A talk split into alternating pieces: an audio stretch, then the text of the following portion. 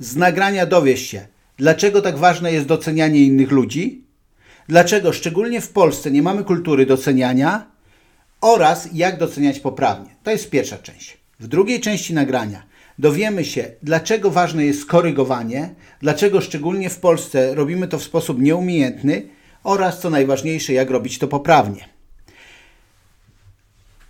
To nagranie, jeżeli któreś z części szczególnie Cię zainteresuje, to masz w opisie pod nagraniem, tak, w opisie filmu, masz podział na sekcje, także jak przejdziesz po tej linii czasu, to też zobaczysz, że jest podział na sekcje, opisane są sekcje, wybierzesz i możesz przesłuchać sobie tą sekcję, która Cię bardziej zainteresuje.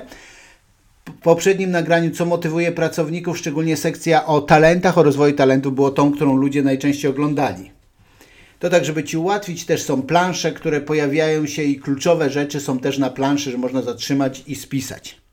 Jeżeli chcesz poznać poziom swoich umiejętności menedżerskich, to zrób bezpłatny test, link po nagraniem. Jeżeli chcesz podnieść na wyższy poziom po, yy, swoje umiejętności menedżerskie, to zapraszam na kurs umiejętności menedżerskich, też link pod nagraniem. I oczywiście subskrybuj, daj lajka, udostępnij, niech korzystają inni. To taka moja prośba. Nieraz teraz mówimy o docenianiu. Nieraz pytam osoby, które zarządzają innymi ludźmi. Pierwsze, ilu z Was jest regularnie, regularnie to przynajmniej raz na kwartał, docenianych przez swoich przełożonych? Druga rzecz, ilu z Was jest regularnie, czyli przynajmniej raz na kwartał, ilu z Was regularnie, czyli przynajmniej raz na kwartał, docenia współpracowników lub pracowników? Czyli to są dwa pytania od dwóch stron, tak? Ilu z Was regularnie jest docenianych, ilu z Was regularnie docenia? I następne pytanie idzie w głąb i trochę w sedno tego, o czym teraz mówimy. To jest pytanie, ilu z Was w swoim życiu było regularnie chwalonych? W domu rodzinnym, w szkole, w jakiejś organizacji non-profit, w pracy? To jest dosyć ważne. Dwa lata mieszkałem w Anglii i tam panuje zupełnie inna kultura. Oczywiście można powiedzieć, że sztuczna, można powiedzieć, że no właśnie, można różne rzeczy powiedzieć, ponieważ jeżeli człowiek przesadza w jedną stronę, to zawsze kiedy mu się mówi złap złoty środek, to on mówi nie, po drugiej stronie jest przesada, ale nikt nie każe iść na, z przesady w przesadę. To, co chcemy, to żeby był złoty środek. I naprawdę po moim doświadczeniu wtedy dwóch lat w Anglii i po co jakiś czas wizytach w Polsce, różnica była kolosalna. Gdzie żyje się lepiej? I mam na myśli tutaj pewne podejście do życia, do ludzi. Każdy musi sobie sam odpowiedzieć. Natomiast dlaczego tak ważne jest stworzenie kultury doceniania? Jest bardzo prosta psychologiczna zasada, o której teraz powiemy. Jeżeli człowiek żyje w krytycyzmie, uczy się potępiać. Jeżeli żyje we wrogości, uczy się walczyć. Jeżeli żyje w ośmieszaniu, staje się wstydliwy. Jeżeli żyje w zawstydzaniu, wyrasta z poczuciem winy. Jeżeli żyje w tolerancji, uczy się akceptacji innych. Jeżeli żyje w zachęcaniu, uczy się ufności. Jeżeli jest chwalony, uczy się doceniać innych. Jeżeli żyje bez lęku, uczy się sprawiedliwości. Jeżeli żyje w poczuciu bezpieczeństwa, uczy się wierzyć. Jeżeli otrzymuje uznanie, uczy się lubić siebie. Jeżeli żyje w akceptacji i przyjaźni, uczy się okazywać miłość. Czyli docenianie jest jednym z takich kluczowych elementów, który tworzy dobrą kulturę pracy. Coś, o czym mówiłem w nagraniu, co motywuje pracowników. No i teraz mówi się, że potrzeba tony argumentów na jeden gram uprzedzeń.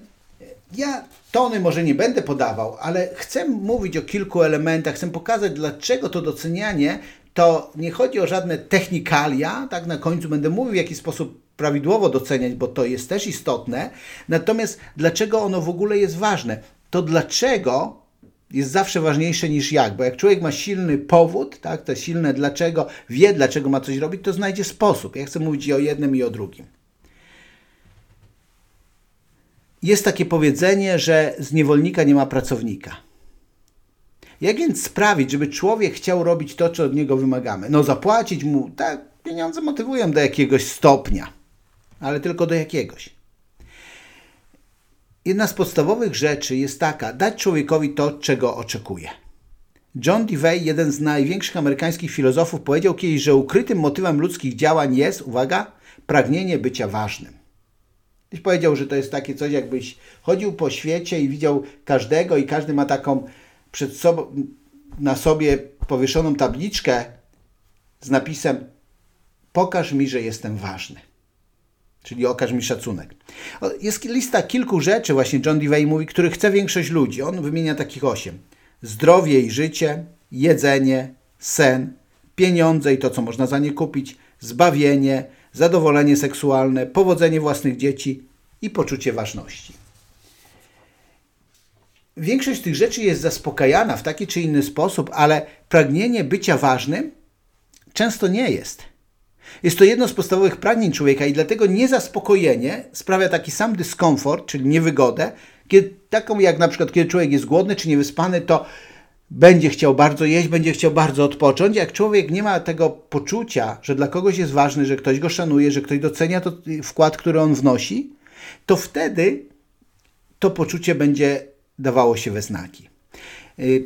Kiedyś słyszałam taką historię dziewczyny, która na Ukrainie założyła własną agencję modelek. W, te, w tym momencie, kiedy ona opowiadała, to było kilka lat temu, to była druga topowa taka agencja na Ukrainie ale ona, kiedy zaczęła własną firmę, jedyne co miała do zaproponowania modelkom, a wiedziała co zaproponować, bo sama przez, przez lata była modelką, że będą lepiej traktowane, a nie lepiej opłacane. Czyli, że nie będą musiały robić pewnych poniżających dla nich rzeczy, żeby zostać modelkami i że będą traktowane z godnością, co gwarantuje ona jako właścicielka tej agencji. I okazało się, że zebrała dziewczyny, które bardzo chciały być inaczej traktowane, i rzeczywiście wysoko zaszły. Oczywiście za tym poszły pieniądze, za tym poszedł prestiż, ale zaczęło się właśnie od tego poczucia, że ktoś mnie szanuje, że ktoś mnie właściwie traktuje. Ciekawą rzecz powiedział, a jeszcze ciekawiej to pokazał yy, Andrew Carnegie, potentant finansowy w dziedzinie stali, który powiedział takie słowa. Umiejętność postępowania z ludźmi jest takim samym towarem handlowym jak cukier czy kawa i zapłaca za tę umiejętność więcej niż za jakąkolwiek inną pod słońcem. A nie były to tylko słowa. Otóż płacił on milion dolarów rocznie, czyli ponad 3000 dziennie, to wiecie, grubo ponad 100 lat temu, człowiekowi, który nazywał się Charles Schwab, który, którego głównym zadaniem było dbać o dobre relacje, Wtedy jak fabryka padała, to powiedzmy był trzydniowy strajk, to przez miesiąc trzeba było dochodzić mniej więcej do tego stanu, tak jak piece wszystko było wygasłe, co było przed, a ponad tydzień takiego strajku to w zasadzie padała fabryka. I on chodził po fabryce, rozmawiał z ludźmi, motywował, inspirował, robił takie rzeczy, i to się tak przekładało, że później w każdej fabryce mieli takiego HR-owca, tak, w takim znaczeniu pozytywnym, nie jak często dzisiaj są HR-owcy. I teraz co tacy ludzie robili? Dbali o atmosferę. Dbali o dobry klimat, motywowali ludzi. Co więcej, Charles Schwab po pewnym czasie to, to, to co zrobił, to do czego doszedł, to zebrał wszystkich ludzi, którzy byli w branży y, stalowej którzy byli swoją konkurencją. Zbierał ich razem na początku raz w roku na wspólnego Sylwestra, za który Andrew Carnegie płacił oczywiście. I Yy, oni się tam yy, gdzieś tam polubili, zaczęli się dogadywać, mimo że byli konkurencją, jednak zaczęli się traktować przyjaźnie. W pewnym momencie zrobił konsorcjum, odkupili udziały od Andrew Carnegie'ego i, i on stanął na czele tego konsorcjum. Czyli od człowieka, który chodził po fabryce i zarabiał spore pieniądze, do multimilionera. Ponieważ co było jego taką główną umiejętnością? On powiedział tak. Uważam, że najcenniejszą rzeczą, jaką posiadam, jest umiejętność rozbudzania w ludziach entuzjazmu, a jedyny sposób, w jaki można nakłonić człowieka do ujawnienia tego, co w nim najlepsze, to uznanie i zachęta. Nic tak nie niszczy ambicji w ludziach jak krytyka zwierzchników. Wierzę w dawanie ludziom bodźców do pracy, nie w krytykowanie. Chętnie więc chwalę, a nie chętnie szukam winnych. Jeśli coś mi się podoba, aprobuję to z całą serdecznością i nie szczędzę pochwał. Tak, wiem, rozumiem tych wszystkich, którzy się teraz obawiają, że no to co, będziemy teraz wszystkich za wszystko chwalić? Nie, to nagranie ma jeszcze drugą część, nie mówię o korygowaniu, to też jest bardzo istotne, ale teraz skupiamy się na docenianiu. Mój ulubiony taki dowcip sytuacyjny jest taki. prowadzę jakiś warsztat, szkolenie, wykłady i ktoś, nie wiem, zgłasza się, coś mówi, coś pokazuje, czymś się dzieli. Ja mówię, fajne, zaklaszmy mu. I takie, takie mniej więcej oklaski się rozlegają. I ja mówię, okej, okay. tak, tak specjalnie obniżam wtedy głos i tak mówię taki znudzony. Dobrze, a słuchajcie, a pokażmy, tak udawajmy przez chwilę, że nam się to naprawdę podobało. I ludzie zaczynają, wtedy nie będę tego robił, bo będziesz miał trzaski, jak szczególnie jak masz słuchawki na uszach, bardzo głośno klaszczą, czasami gwiżdżą, skandują. Mówię, no właśnie, tym mówcy motywacyjni w Stanach różnią się od Polaków, że mówca motywacyjny w Stanach musi przez godzinę wykrzesać mnóstwo energii, motywować ludzi, żeby klaskali, a w Polsce wystarczy monotonnym głosem powiedzieć, udawajmy, że nam się to podobało i wtedy ludzie nagle okazują entuzjazm, no bo przecież udajemy. I o co mi chodzi? Że trochę przesadzamy, i to trochę, tak mówię delikatnie, w Polsce z tym, że nie doceniamy. Bo boimy się drugiej skrajności. No, są dwie strony rowu, tak? Oczywiście. A dlaczego nie mamy iść środkiem? Napoleon Bonaparte powiedział tak. Ludzie gotowi są ginąć za ordery. Ciekawa rzecz. Zobaczył, jak ludzie bardzo chcą być doceniani, że nawet są w stanie poświęcić yy, siebie, żeby zostać zauważonym, dostrzeżonym, chociażby pośmiertnie. I zanim przejdę już do tej części, gdzie będę pokazywał, jak doceniać, to jeszcze trzy ważne rzeczy. Doceniaj ludzi, ale rób to szczerze. Wszyscy lubimy komplementy wtedy, gdy są szczere. Jaka jest różnica między szczerą pochwałą, a nieuczciwym manipulowaniem ludźmi? Różnica jest przede wszystkim w motywacji. To znaczy, kiedy chwalisz, to robisz to dla, dla drugiej osoby, a kiedy manipulujesz, robisz to dla własnej korzyści. Hmm? Kiedy chwalisz, kiedy manipulujesz. Manipulujesz, bo chcesz coś ugrać i często tak nie uważasz. Chwalisz, bo doceniasz i robisz to dla dobra drugiej osoby. Ktoś, y, częsty zarzut jest taki, no ale czemu mamy chwalić za coś, za co płacimy? Mhm. Kiedy dzieci są małe, nie, nie zmieniam tematu wbrew pozorom, kiedy dzieci są małe, mówi się często im coś takiego, e, że są trzy podstawowe słowa, dziękuję, proszę, przepraszam i że to jest podstawowy poziom kultury, używanie tych trzech rzeczy. Oczywiście, kelner może przynieść ci e, coś, co zamówiłeś, położyć ci kawę, przynieść jedzenie. Nie musisz mówić dziękuję. Oczywiście, że nie musisz. Możesz w ogóle na niego nie patrzeć. Możesz dać mu pieniądze, nie patrząc na niego. Ale to jest jakiś poziom kultury, czy raczej braku kultury. Podobnie jest tutaj. Chwalimy i doceniamy, żeby wytworzyć pewną atmosferę, ponieważ jeżeli pracujemy, spędzamy tam 8 godzin dziennie, przynajmniej przez 5 dni w tygodniu, to czy nie lepiej jest to spędzać w miłej atmosferze? Ale też na chwilę tylko odwrócę sytuację. Stopień, w jakim przyjmujesz pochwałę, pokazuje, jak bardzo siebie cenisz. Możesz poprawić swoją samoocenę, przyjmując komplementy, mówiąc dziękuję. I tu jest dobra okazja, żeby się pochwalić. Wczoraj rozmawiałem z moim klientem, zadał mi tam pewne pytanie. E, no, odpowiedziałem, co, co uważam, co w tej sytuacji można by było zrobić. Taka chwila ciszy, przez telefon rozmawialiśmy, więc nie widziałem jego mimiki. I on mówi: Wow, mówił ci ktoś kiedyś, że jesteś najmądrzejszym człowiekiem na świecie? I mój odruch polski byłby taki, a wiesz, trafiło się ślepej kurze ziarno. Ale mój odruch, który trwa już ponad 20 lat, tak, bo 20 lat temu byłem w Anglii, ale bycia dwa lata w Anglii jest taki. Nie, nie jestem najmądrzejszym człowiekiem na świecie, ale dziękuję za to, co powiedziałeś. Umiejętność przyjmowania pochwał jest ważna. Tak? W Polsce to jest ciągle samochwała w kącie stała, także od razu jak coś dobrego ktoś o tobie mówi, a to trzeba to zgasić, trzeba to odrzucić. Nie, dlaczego? Przyjmij, doceń. Kiedy uczę czasami na treningu trenerskim, ludzie mają swój pierwszy taki występ, to ja mówię tak, kiedy, kiedy skończysz występ i ludzie zaczną ci klaskać, po prostu stój to przyjmuj. Stój to przyjmuj. Kiedy skończą, ukłoń się, podziękuj.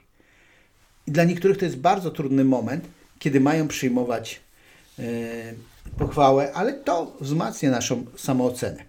Dobra, więc teraz jak chwalić? Najpierw pięć elementów i potem jeszcze coś takiego, co prawdopodobnie niewielu mówi, a ty dzisiaj się dowiesz i na końcu tej części praktyczne ćwiczenia. Więc pięć rzeczy jak chwalić. Pierwsze, chwal natychmiast. Im bliżej odczynu do pochwały, tym mocniej zostaje. To jest oczywiste, tak? Wyobraź sobie, że ktoś przychodzi do ciebie i mówi: Wiesz, dzisiaj mija trzecia rocznica, kiedy przyniosłeś mi taki raport, ten co co miesiąc mi dajesz. Ale trzy lata minęły, ja do tej pory ci nie podziękowałem, więc dzisiaj ci za to dziękuję. I ty prawdopodobnie myślisz: Mm, jaki raport? O co ci chodzi? No właśnie, to oczywiście przesada, ale żeby pokazać. Chwal natychmiast. Drugie, chwal konkretnie. Czyli pokaż zachowanie i pokaż, jak ono wpłynęło, dlaczego ono jest ważne. Pamiętam w jednej sieci sklepów, kiedy uczyliśmy tego, żeby lada nie była zaśmiecona. No bo to było tak, przychodził klient, y, pokazywano mu różne towary, y, tych klientów trochę było, więc mm, kiedy zanim jeden klient odszedł, a drugi doszedł, to zamiast szybko posprzątać ladę albo przynajmniej na dół to znieść, to te rzeczy zostawały. Nie mówiąc już o tym, że zostawały tam kanapki nie do jedzonego śniadania, kiedy nie było klientów, e, albo ktoś, e, nie wiem, doczytywał jakąś książkę, bo był studentem i się akurat uczył, więc był taki rozgardiarz, żeby nie powiedzieć syf, bo to nie wypada, więc rozgardiarz powiedzmy. E, ale teraz, kiedy kierownik zwraca uwagę, to mówi, okej, okay, zobacz, dzięki za to, że za każdym razem, kiedy wychodził klient, ty sprzątałeś z, lady, to jest ważne, ponieważ to sprawia takie estetycznie dobre wrażenie i pozwala nam też lepiej zorganizować pracę. Jakkolwiek ktoś powie, ale to może brzmieć sztucznie, przecież on nie wie, dlaczego to robi. Nie wie, ponieważ y, cały czas jesteśmy bombardowani bodźcami i wiele rzeczy robimy na automacie, a kiedy ktoś nam zmotywuje, czyli mówi o tym, dlaczego coś jest ważne, to robimy to chętniej i lepiej. Więc trzecia rzecz, chwal publicznie wartość pochwały pomnaża się przez ilość osób, które ją słyszą. E, I tak jak się mówi, nie? chwal publicznie, koryguj w cztery oczy. Ważne jest, żeby chwalić publicznie, ale jeżeli już to robisz, to oczywiście miej w tym taki zdrowy rozsądek. Zdrowy rozsądek polega na dwóch elementach. Po pierwsze, jak chwalisz publicznie, to pamiętaj, żeby nie ciągle jeden zespół albo jedną osobę cały czas chwalić, a innych nie. A po drugie, co jest związane z tym, żeby mieć regularny czas, o tym jeszcze będziemy mówić, żeby chwalić i doceniać ludzi. Czwarta rzecz, chwaluś z uśmiechem. Uśmiech jest podstawowym, pozawerbalnym sposobem wyrażania akceptacji. Uśmiech wywołuje produkcję endorfin wtedy też Twoje samopoczucie się poprawia. Uśmiech rodzi uśmiech. Ważne jest, oczywiście ja rozumiem tych wszystkich, co mam szczerzyć zęby? No, myślę, że jeżeli do tego momentu mojego nagrania dalej myślisz w ten sposób, to chyba coś nie osiągnąłem, e, albo ty nie przyjąłeś. Natomiast uśmiech, po prostu zwykła życzliwość. I piąta rzecz, chwal, a nie podlizuj się. Chwalenie jest szczere, podlizywanie się nie zawsze, choć może być mówieniem prawdy, ale chodzi o tą motywację. Tak? Co jest Twoją motywacją? By osoba chwalona odniosła korzyść, czy żebyś Ty odniósł jakąś korzyść i to jest manipulacyjne. Ok, powiedziałam pięć rzeczy, ale jest jeszcze taka szósta, którą chcę podkreślić, że zachęta ma być zachętą, a nie zniechęceniem. Czyli nie mówisz, no w końcu ci się udało, mam nadzieję, że to będzie na trwałe, a nie tak jak ostatnio, że raz to zrobiłeś dobrze, a teraz, a potem przez kilka tygodni znowu nie umie. Rozumiesz? Nawet jeżeli coś poszło źle, to można tak jak w tym, nie wiem, czy prawdziwej, czy legendarnej opowieści o tym, jak wprowadzono chyba kolę dietetyczną i wydano świetny pomysł, mnóstwo pieniędzy na reklamę, mnóstwo to naprawdę mnóstwo i absolutna klapa sprzedażowa i człowiek, który był odpowiedzialny za ten projekt przyniósł wymówienie i wtedy ten człowiek, który to przyjmował powiedział, absolutnie Cię nie zwalniamy zainwestowaliśmy w Ciebie tyle pieniędzy, tu miał na myśli te, które stracili, że teraz wiemy, że do drugiego projektu podejdziesz e, w zupełnie inny sposób i my nie chcemy tej inwestycji stracić. Więc wiecie, można nawet w trudnej sytuacji zachęcić, a nie zniechęcić. Więc zanim do tego końcowego ćwiczenia tej części, to chcę Ci powiedzieć jeszcze o czymś, co się rzadko mówi. Ludzie mają typy osobowości. Na moim kanale znajdziesz mnóstwo nagrań na ten temat, ale są w typologii dysk, tak, są osoby dyrektywne, to są te szybkie, nastawione na cel, taki typ choleryka. Jak chwalić go? Za co go chwalić? Na co kłaść akcent? Jego chwalisz za efekty, które osiągnął i za czas, w którym osiągnął. To jest dla niego. Jeżeli go pochwalisz, że był dobrym pracownikiem i klepniesz w plecy, to pewnie nie będzie to. Ale jeżeli pokażesz, jaki efekt i w jakim czasie, to będzie właśnie to, co da mu takiego, takie pozytywne wzmocnienie. Osoba interaktywna to jest szybka, nastawiona na ludzi, to tych południowca Włocha, który gada, rusza się, jest jego chwal za atmosferę i kreatywność. Atmosferę, którą stworzył i kreatywne rozwiązania, które na pewno się pojawiły. Trzecia osoba, solidarna, czyli wolna, nastawiona na ludzi. To jest typ flegmatyka. Jego chwal za pracę zespołową i za to, że to wszystko tak na luzie się dokonało. Bez tej spinki. Czwarta y, osoba to jest osobowość celująca, typ melancholika, szachisty. Tak? Jego chwal za perfekcyjność, dokładność i jakość wykonania. Więc te, te typy osobowości za to będą chwalone i to będzie dawało im prawdziwe wzmocnienie. Wszystkie inne rzeczy, jeżeli pomieszasz te rzeczy, to nie będzie to do tych ludzi docierać. Może na poziomie umysłu tak, ale na poziomie emocji nie. A więc ćwiczenie na zakończenie tej części. Zrób listę osób, z którymi pracujesz, którzy są Twoimi przełożonymi, współpracownikami, mm, podwładnymi. Wypisz ich silne strony i pomyśl, jak i kiedy będziesz ich doceniać. Dobrze, przechodzimy teraz drugą część, czyli korygowanie. Docenianie i korygowanie muszą iść w parze, ponieważ fanatyzm to jest prawda doprowadzona do granic absurdu. Chwalenie ludzi jest ważne i w Polsce niedoceniane, dlatego od tego zacząłem, ale korygowanie jest równie ważne. I oczywiście jest to połowa, więc zachęcam Cię, jeżeli jeszcze nie zbadałeś poziomu swoich umiejętności menedżerskich, zrób to, link poniżej. Jeżeli chcesz rozwinąć swoje umiejętności menedżerskie, zapraszam na kurs umiejętności menedżerskich. Oczywiście daj lajka, subskrybuj, udostępnij, niech inni skorzystają. A teraz korygowanie to nie krytykowanie. Oczywiście wiem, że to jest terminologia, gra słów i tak dalej, ale chcę wytłumaczyć, co ja przez te słowa e, rozumiem. Jaka jest różnica? Różnica krytyka to jest pokazywanie, co zrobiłeś źle, a korekta to jest pokazanie, jak masz to zrobić dobrze. Ale można się teraz uczepić, że najpierw musisz pokazać, co zrobiłeś źle, żeby potem pokazać, co zrobiłeś dobrze. Ok, nie o słowa mi chodzi, bardziej mi chodzi o cały mental, tak? Yy, sposób myślenia, który się kryje. Krytyka to jest tylko pokazywanie źle, źle, źle, źle. Korekta to jest pokazywanie, to było źle, a tak można to zrobić dobrze. Ale jeszcze do tego dojdziemy. Bardzo lubię ten dowcip, tak, który mówi, że co to jest krytyka destruktywna i konstruktywna. Krytyka destruktywna to jest wtedy, kiedy ty krytykujesz mnie, a konstruktywna to jest wtedy, kiedy ja krytykuję ciebie. Dobra, myślę, że wszyscy się już wyśmiali tym niesamowitym dowcipem, mm, ale teraz dlaczego korygowanie jest ważne? I dlaczego w Polsce najczęściej robimy to nieumiejętnie? A więc dlaczego korygowanie jest ważne? Po pierwsze, chodzi o skuteczność działań.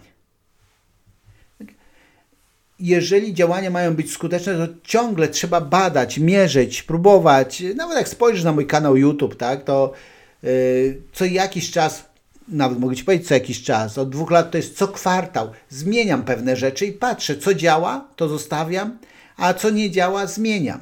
Dopasowuję się do algorytmu, który się zmienia i w ten sposób zdobywam nowych subskrybentów a zdobywając nowych subskrybentów, wśród nich zdobywam nowych klientów. A więc skuteczność działań. Do tego jest potrzebna korekta.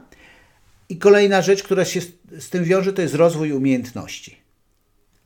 Skuteczność działań daje efekty firmie. Rozwój umiejętności daje poczucie kompetencji, pewności pracownikowi. To są dwa podstawowe powody. A dlaczego często praktycznie robimy to źle?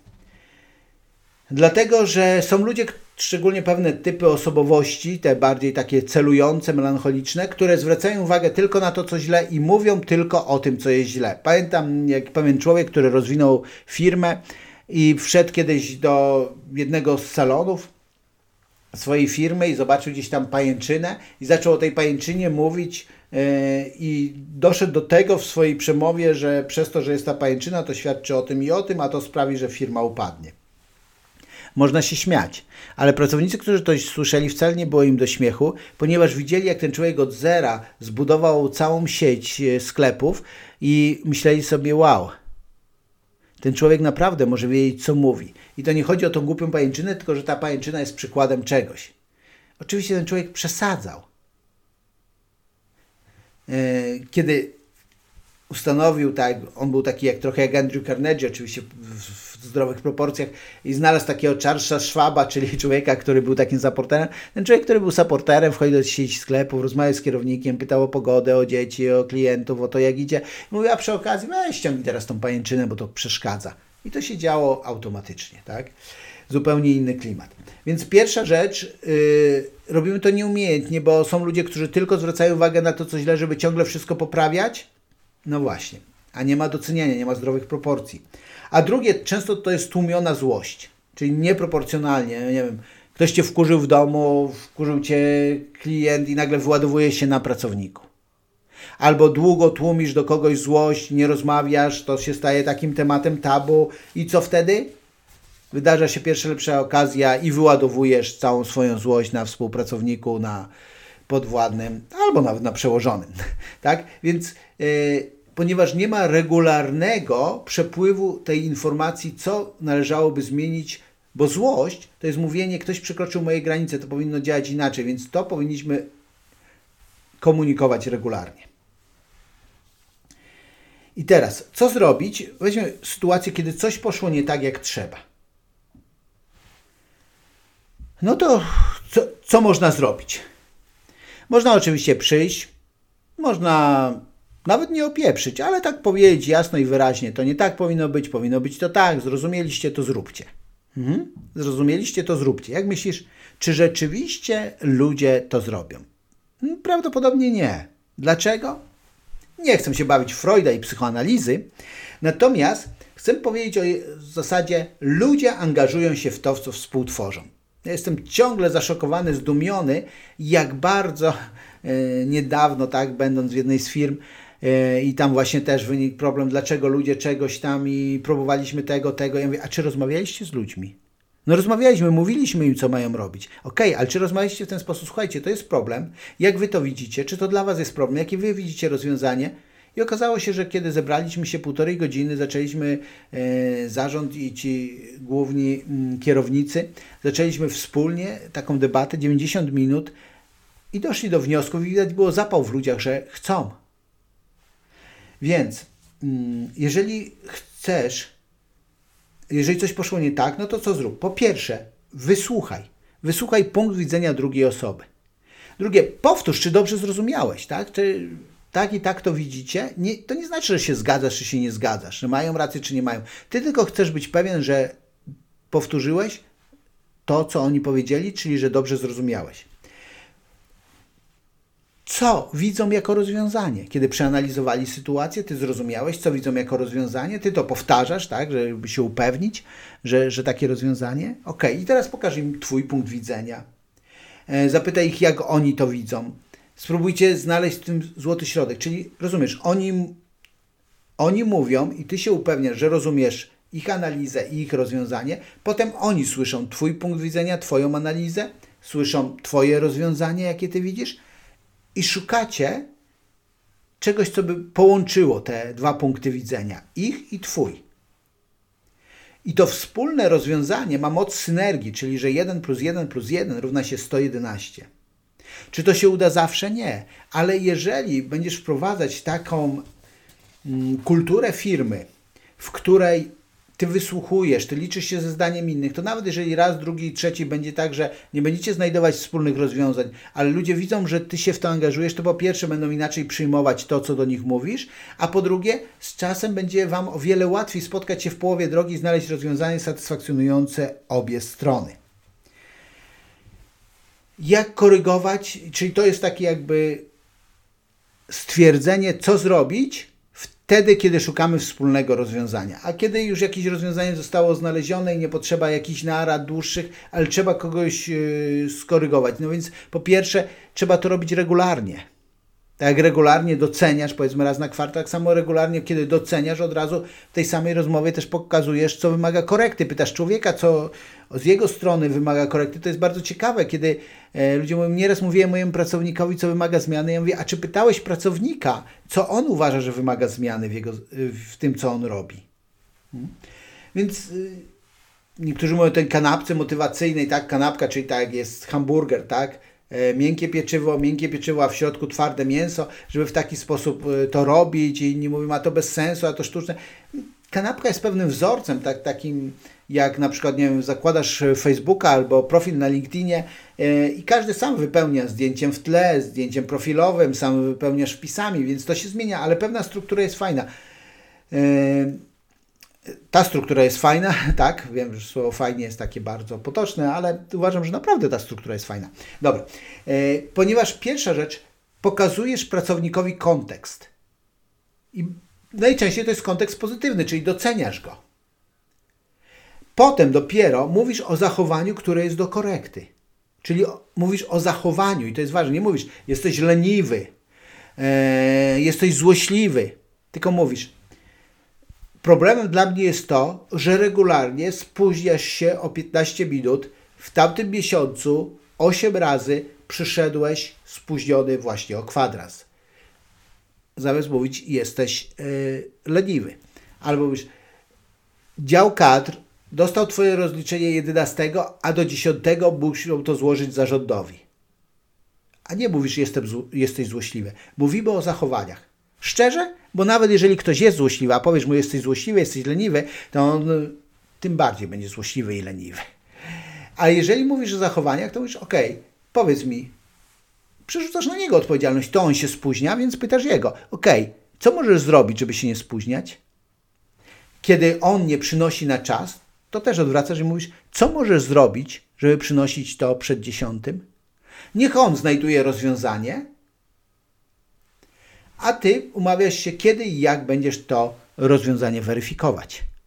Tak prosta rzecz. Rozmawiasz z nim, słuchasz jego punktu widzenia, przerzucasz na niego odpowiedzialność za znalezienie rozwiązania. Oczywiście nie każde rozwiązanie zaakceptujesz. Powiesz, ok, to jest może ciekawe, jednak w tej sytuacji zaproponuję takie rozwiązanie, umawiamy się na wtedy i wtedy, żeby y, o tym porozmawiać. No i umawiacie się też, jeżeli trzeba, na konsekwencje zrobienia. Spóźniasz się 15 minut, więc odliczamy ci to od wypłaty, bo pracowałeś o 15 minut tego dnia mniej. Nie przynosisz tego y, na czas? W takim razie być może nie pasujesz do tego stanowiska, ponieważ nie jesteś osobą skrupulatną i sumienną i dokładną, a takiej potrzebujemy na tym stanowisku. Może znajdziemy dla ciebie inne miejsce w firmie. Więc kontekst szeroki, potem konkretne zachowanie, które korygujemy, i ostatnia rzecz, zachęta, że mówisz, ok, ufam, że to pójdzie. Będziemy się spotykać regularnie, żeby to poprawiać. Takiej i takich rzeczy już się nauczyłeś. Wierzę, że i, to, i, i tego też się nauczysz. Tak? Prosta rzecz. Kontekst, konkretne zachowanie do korekty i zachęta na przyszłość. I to, co jest ważne w takim nastawieniu, tak, to jest szukaj rozwiązań, a nie winnych. Tak? Nie skupiaj się, ty to zrobiłeś, a źle zrobiłeś. Można tak analizować w nieskończoność, że nawet dojść do trzeciego pokolenia wstecz, dlaczego jego dziadek wychowywał się w czasie wojny i on dzisiaj się spóźnia, e, ale to nie jest potrzebne. Skup się na rozwiązaniu. Ok, i teraz zadanie, konkretne ćwiczenie. Zrób listę osób, Twoich e, przełożonych, Twoich współpracowników, Twoich podwładnych, jakie zachowania uważasz, że powinny być poddane korekcie i jak i kiedy będziesz o tym z nimi rozmawiać. A teraz taki bonus. Są tak zwane słabości strukturalne, czyli każdy z typów osobowości, o których już omawiałem przy docenianiu, ma swoje słabości strukturalne, które zawsze będziesz nimi się mierzył i co jakiś czas będą wychodzić, co jakiś czas trzeba je korygować. Więc po pierwsze, ważne, żeby taka osoba znała swój typ osobowości i typowe dla siebie słabości, a po drugie, że kiedy do nich dojdzie, to żeby tak z uśmiechem ktoś go skorygował. A więc typ dyrektywny, typ choleryka. Po pierwsze, jego słabością jest delegowanie, czyli nieumiejętność dzielenia się władzą. Drugie, słaba cierpliwość do ludzi oraz słaba łagodność, zbyt ostre, szorstkie i zaprawione e, złymi emocjami słowa. Jeżeli chodzi o interaktywny południowiec Włoch, tak, to słuchanie. Dużo mówi, niewiele słucha. Nieliczenie się z czasem. Ktoś, kto będzie mu przypominał, hej, hello, przerwa już się skończyła, to spotkanie kończy się za 10 minut, bo masz kolejne. No i oczywiście przesada w tym, co mówi. Typ solidarny, czyli flegmatyka. Po pierwsze, potrzebuje otwartości, czyli mówić to, co naprawdę myśli, a nie tłumić to w sobie. Ok, kolejna rzecz. Tematy tabu. Tak? On ma skłonność do niemówienia o tym, co jest ważne, co mu przeszkadza. ponieważ nie chcę naruszać dobrych relacji. Ale cóż, warte są dobre relacje, w których nie możesz być sobą. Inicjatywa, jak to w jednej z książek na temat osobowości było napisane do osób solidarnych, wykaż inicjatywę, przynajmniej raz do roku. I ostatnie, celujący, czyli typ melancholika, szachisty. Po pierwsze, powaga, zbytnia powaga. Czasami trzeba wyluzować. Nie można ciągle siedzieć ze spiętym zatkiem, za przeproszeniem. Druga rzecz, drobiazgowość. Pamiętaj, że masz skłonność do przesady. I ostatnia rzecz, perfekcja. Jak coś jest zrobione na 80%, dla ciebie, to dla innych jest zrobione na 120%.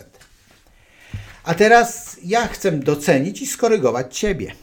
Chcę ciebie docenić za inwestycję, którą zrobiłeś, zrobiłaś, poświęcając najcenniejszy zasób, jaki mamy w życiu, czyli czas, aby zdobyć wiedzę.